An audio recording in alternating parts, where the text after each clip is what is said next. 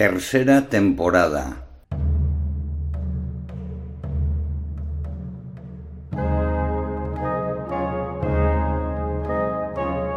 Cròniques edetanes.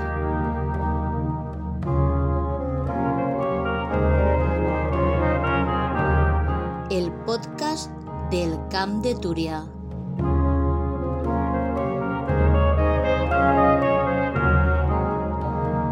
Històries, historietes, embolics i romansos dels nostres pobles.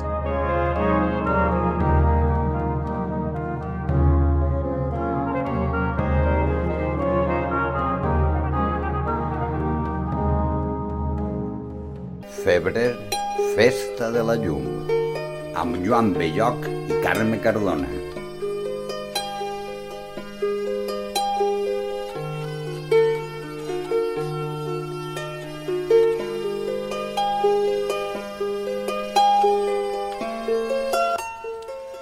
La festa de la llum.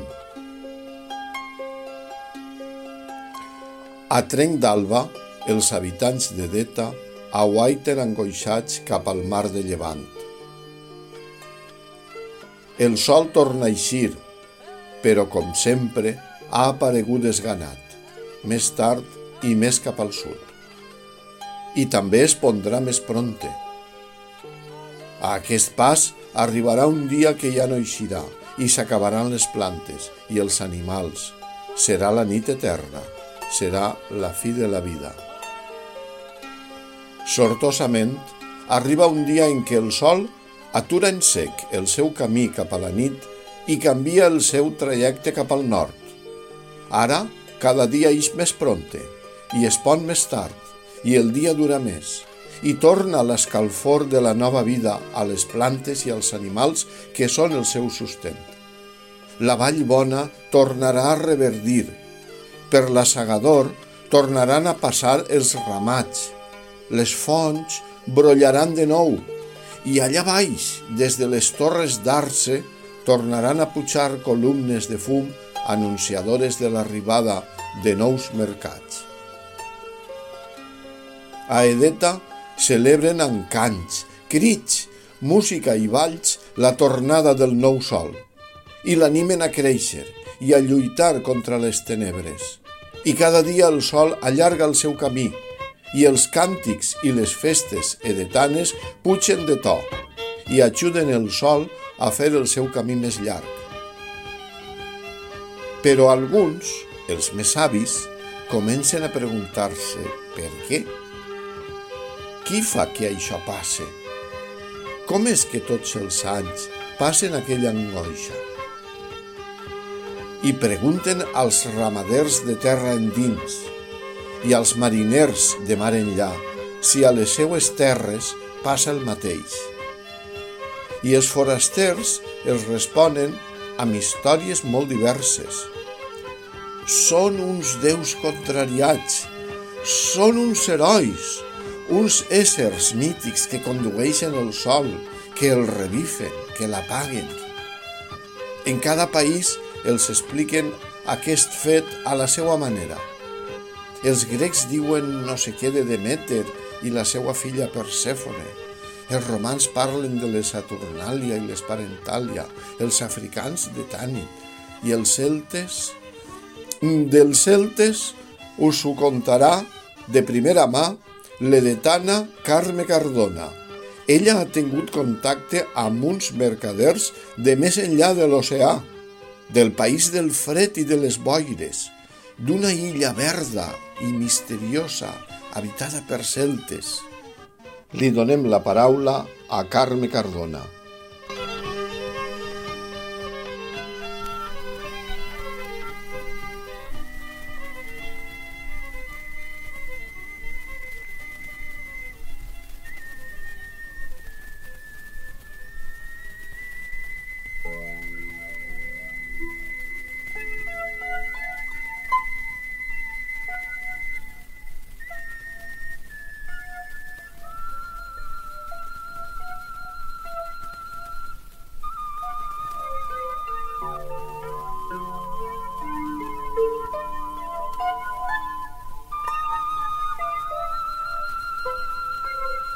L'1 de febrer és la festivitat celta d'Imbolc, però què té a veure amb la Candelera?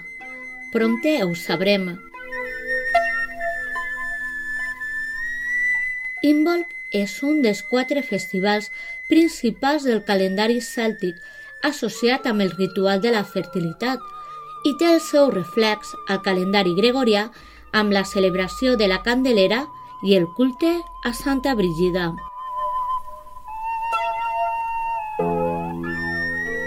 Imbolc és un dels vuit dies festius, quatre solars i quatre lunars o sàbats, de la roda de l'any neopagà. S'associa convencionalment amb l'1 de febrer, al punt mitjà entre el solstici d'hivern i l'equinoci de primavera.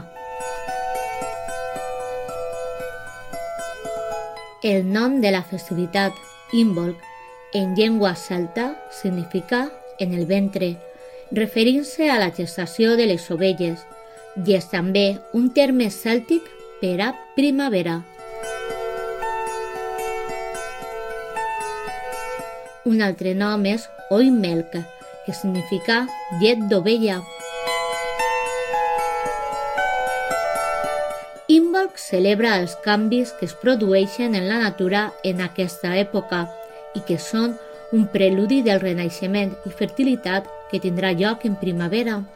Aquesta festivitat, a més, venerava a la deessa Brigid o Briga o Brigantia o en la seva versió cristiana, Santa Brígida. És una deessa de tipus tríada. Això vol dir que es presenta sota la forma de tres aspectes diferents que poden ser vistos i venerats com a tres deïtats, tot i que en essència en són una. Cadascun dels seus vessants representen un moment important en la vida d'una dona. Podia tindre l'aspecte d'una doncella, verge, arriba una xiqueta, el d'una mare i el d'una anciana. Brigitte és molt rellevant per als celtes ja que tenia nombroses competències. Està associada al sol i al foc i com el seu equivalent cristià se sol representar amb una flama en la mà. Era la flama de la saviesa, deessa de la poesia, la música, la inspiració i del llenguatge, també de l'endevinació i les profecies. En el segon dels seus aspectes era ser la flama de la llar, la família, la fertilitat és part de la dona i fins i tot de la sanació i de la medicina. En el tercer aspecte, com a anciana, era la flama de la transformació i dins d'aquest s'encalveixen totes les arts i artesanies que utilitzen el foc per a convertir una cosa en una altra, com per exemple la ferreria o l'orfebreria. Es creia que en Imbolc, l'1 de febrer, la deessa Brígid Caminava durant tot el dia recollint llenya per que quedava d'hivern. Es creia que si feia un dia de sol i benestar, la deessa podria recollir llenya i l'hivern encara hauria de durar, ja que Brígid tenia molta llenya per a passar l'hivern. En canvi, si el dia era tempestuós i fosc, l'hivern ja estaria a punt d'acabar, o aquest seria més curt, perquè la deessa no hauria pogut agafar molta llenya i no podria passar l'hivern amb condicions.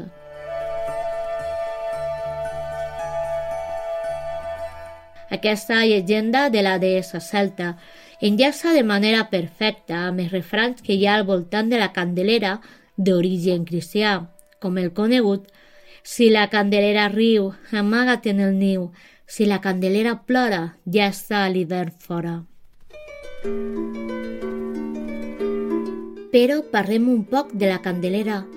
La Candelera és el nom popular amb el qual es recorda els 40 dies que passen després del naixement de Jesucrist i el moment en el qual la Verge Maria el du a presentar al temple, segons s'obligava la llei jueva. Per aquest motiu, la festa se celebra 40 dies després de Nadal, el 2 de febrer.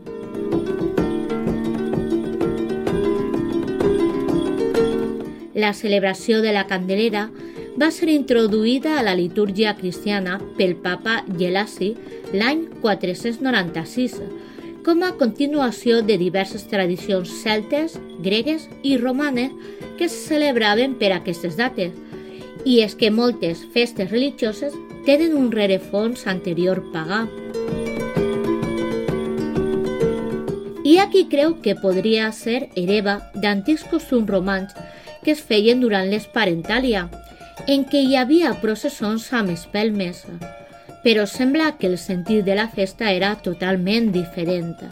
Servia per a rebre una espècie de culte a les ànimes dels difunts.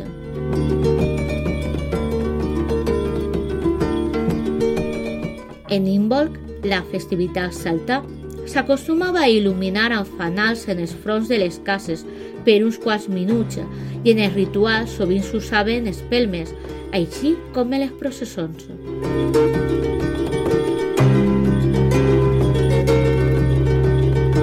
Fins fa pocs anys, a les esglésies cristianes es recreaven processons molt similars a les que devia fer la Mare de Déu una vegada passada la quarantena. Se n'encarregaven dones, sobretot les que havien estat mares feia poc, i portaven grans candeles enceses. Per això, és una de les moltes festes de la llum que es fan i hom creu que les espelmes beneïdes aquest dia tenen virtuts protectores.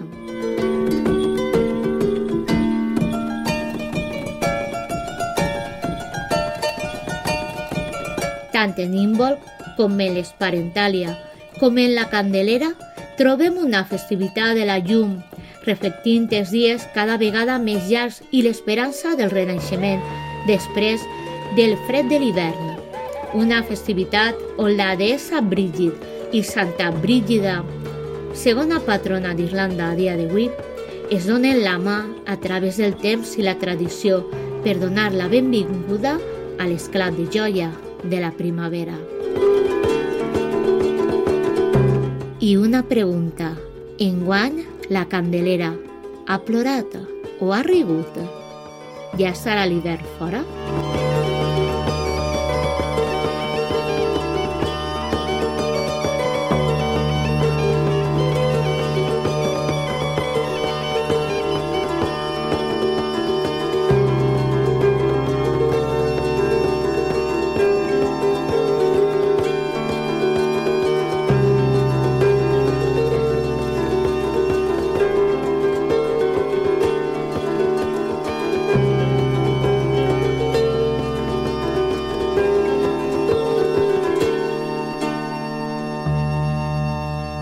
Que Carme ha acabat amb un popular refrany, encetem la recta final del programa amb un bon recopilatori de Xavier Cerdà amb cèlebres i distingides expressions que ens parlen del febrer.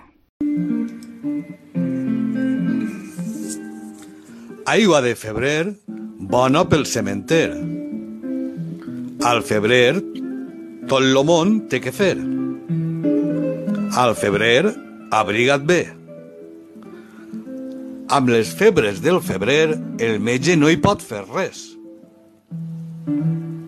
Carinyos de sogra són com els dies del febrer, pocs i freds. El febrer no deixa ovella ni corder. En sol matar més el febrer que un carnisser. Mai ha passat el febrer sense vestir l'almeler. Oronetes pel febrer, mal l'any ve. Pel febrer busca la sombra el llebrer, però no tot el mes sencer. Pel febrer has de llaurar allò que al març vulgui sembrar. Per febrer, carnestoltes ve. Per febrer, cris de lloca i ous al galliner. Per febrer, un dia al sol i un altre al braser. Per la candelera, una hora sencera.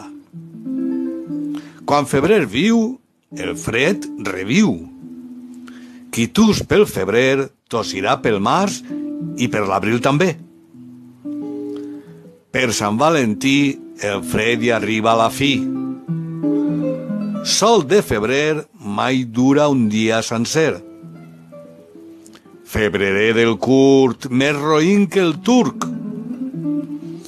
Si la candelera plora, el fred ja és fora. Si la candelera riu, el fred és viu. A Carnestoltes totes les bèsties van soltes.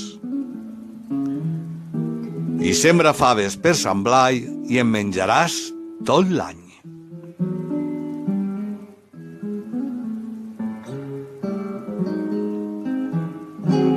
La Candelera, el sol va per la carretera. Amb Dani i Miquel posem el punt i final fent un recorregut per la llum tot l'any.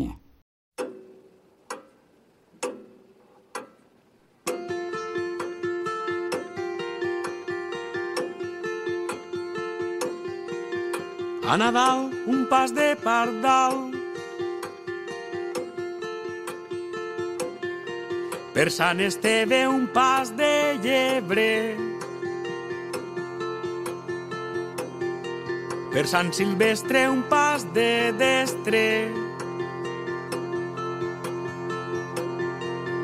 Per cap d'any, el dia s'allarga un pam. Per any nou, un pas de bou. Per a Reis, un pas de vells. Per Sant Julià, un pas de marrà. Per Sant Antoni, un pas de dimoni. Sant Sebastià, un pas de ca.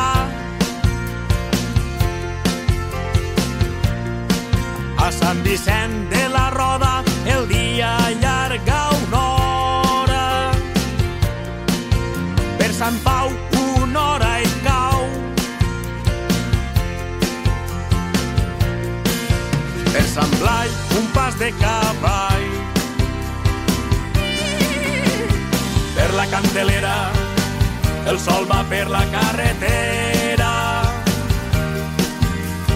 Per Santa Maria creix el dia.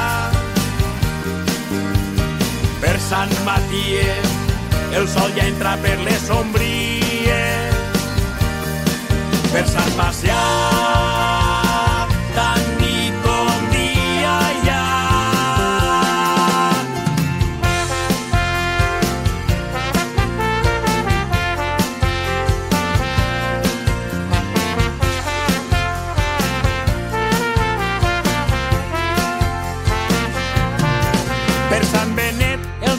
toca les parets. Per Sant Urbà un pas de gavilà.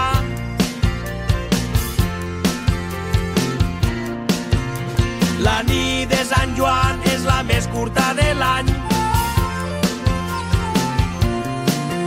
De Sant Joan endavant el dia es va escurçar. Per Sant Pere